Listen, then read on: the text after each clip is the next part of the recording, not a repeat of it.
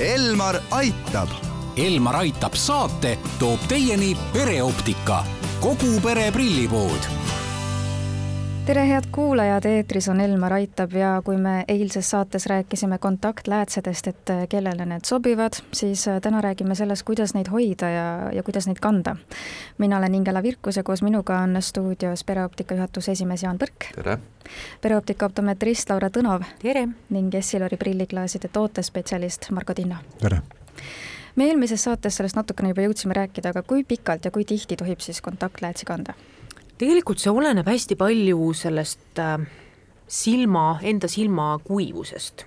ütleme niimoodi, et äh, enamasti kantakse läätse päevase kandmise režiimiga kuskil kümme kuni neliteist tundi.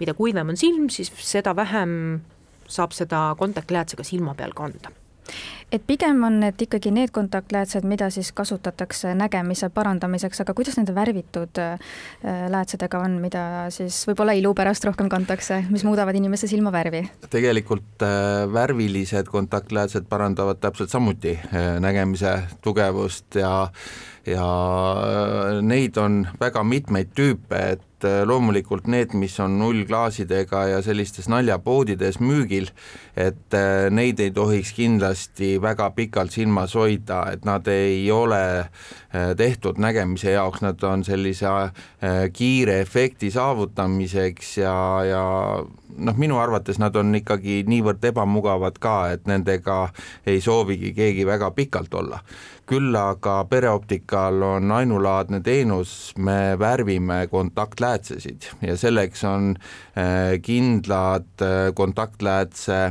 tüübid ja, ja me ostame need värvid millega me seda käsitööna siis toodame äh, Londonist või õigemini Inglismaalt ja, ja me saame väga paljudele inimestele meeldiva toote, sest äh, tõesti naisterahvad eriti armastavad oma silmavärvi muuta ja, ja vot nende läätsede selline kvaliteet on nüüd äh, küll tipp-topp mis võib aga juhtuda, kui kantakse läätsesid äh, rohkem kui soovitatud või, või ostetaksegi sealt naljapoest need värvilised läätsed ja tegelikult ei teatagi, kuidas neid kandma peaks ja? esimene asi, mis tavaliselt tekib, on selline silmade põletikuline seisund. Ähm, kui me oleme kandnud näiteks üle selle aja kontaktläätse, äh, siis ka kontaktlääts on selline kuivem, tekib kuiv silm, äh, põletikud, erinevad silmahaigused. et kõik sellised viirused, bakterid hakkavad sinna kontaktläätse sisse siis ja ka silma peale siis kogunema. Ja kuna pereoptikal on ka kuivasilmakeskus, siis me tegelikult näeme väga lähedalt, kui suures hädas on inimesed oma kuivasilma probleemidega ja noh, meie abi on täpselt samasugune pikaajaline, et inimesed peavad käima mitmed-mitmed korrad meie juures, et saada abi kui me oleme varem rääkinud siin äh, prillide hoidmisest, et kui parajasti prille näiteks ei kasuta, siis paned äh, karpi või kotikesse, puhastad äh, spetsiaalse vedeliku ja lapiga, siis kuidas läätsede hoidmisega on, et kui neid parajasti ei kasutata, kuhu need siis lähevad või kuidas neid üldse hoida, et neid saaks siis pikalt kasutada? kontaktläätsi hoitakse spetsiaalses läätsevedelikus ja konteineris. kõige tähtsam asi kontaktläätse juures on kätehügieen ehk siis ka käsi, iga kord, kui me midagi kontaktläätsega teeme, siis käed tuleb kindlasti ära pesta. Ka ühepäevase kontaktläätse silmapaneku juures, ma Just rõhutan seda, et, et see bakter on igal pool ja, ja kui sellega koos nüüd läheb kontaktläät silma, siis võib olla väga suur kahju silmale ja tegelikult võib olla kahju kogu organismile ja noh, halbu asju on palju, mis võib juhtuda. mis veel kontaktläätsesid võib mõjutada, et kas näiteks kontaktläätsedega ujuma või, või sauna võib minna?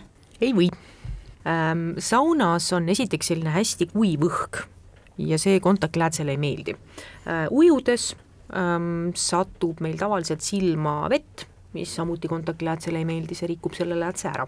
et ujuda võib kontaktläätsega ainult siis, kui on korralik ujumisprill peal ja kontaktläätse puhul on see, et kui ikkagi merevette minna, siis me kunagi ei tea, milline on see mikrokliima seal parasjagu ja, ja kõik see võib minna meie ja kontaktläätse vahele, nii et see ei ole üldse kasulik.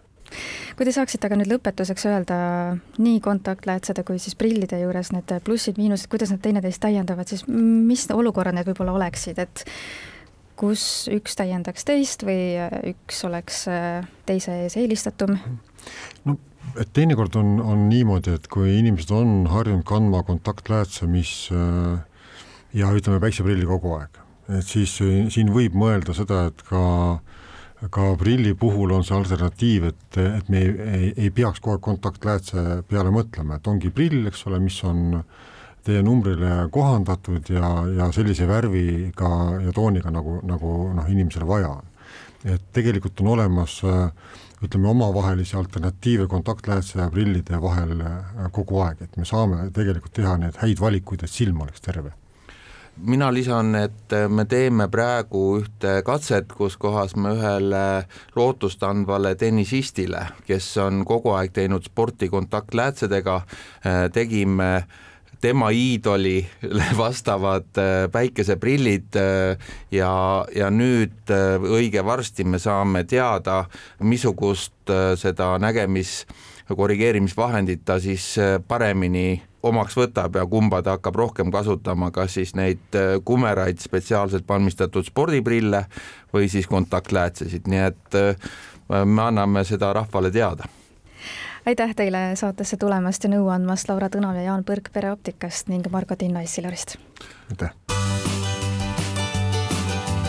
Elmar aitab. Elmar aitab saate toob teieni pereoptika, kogu pere prillipood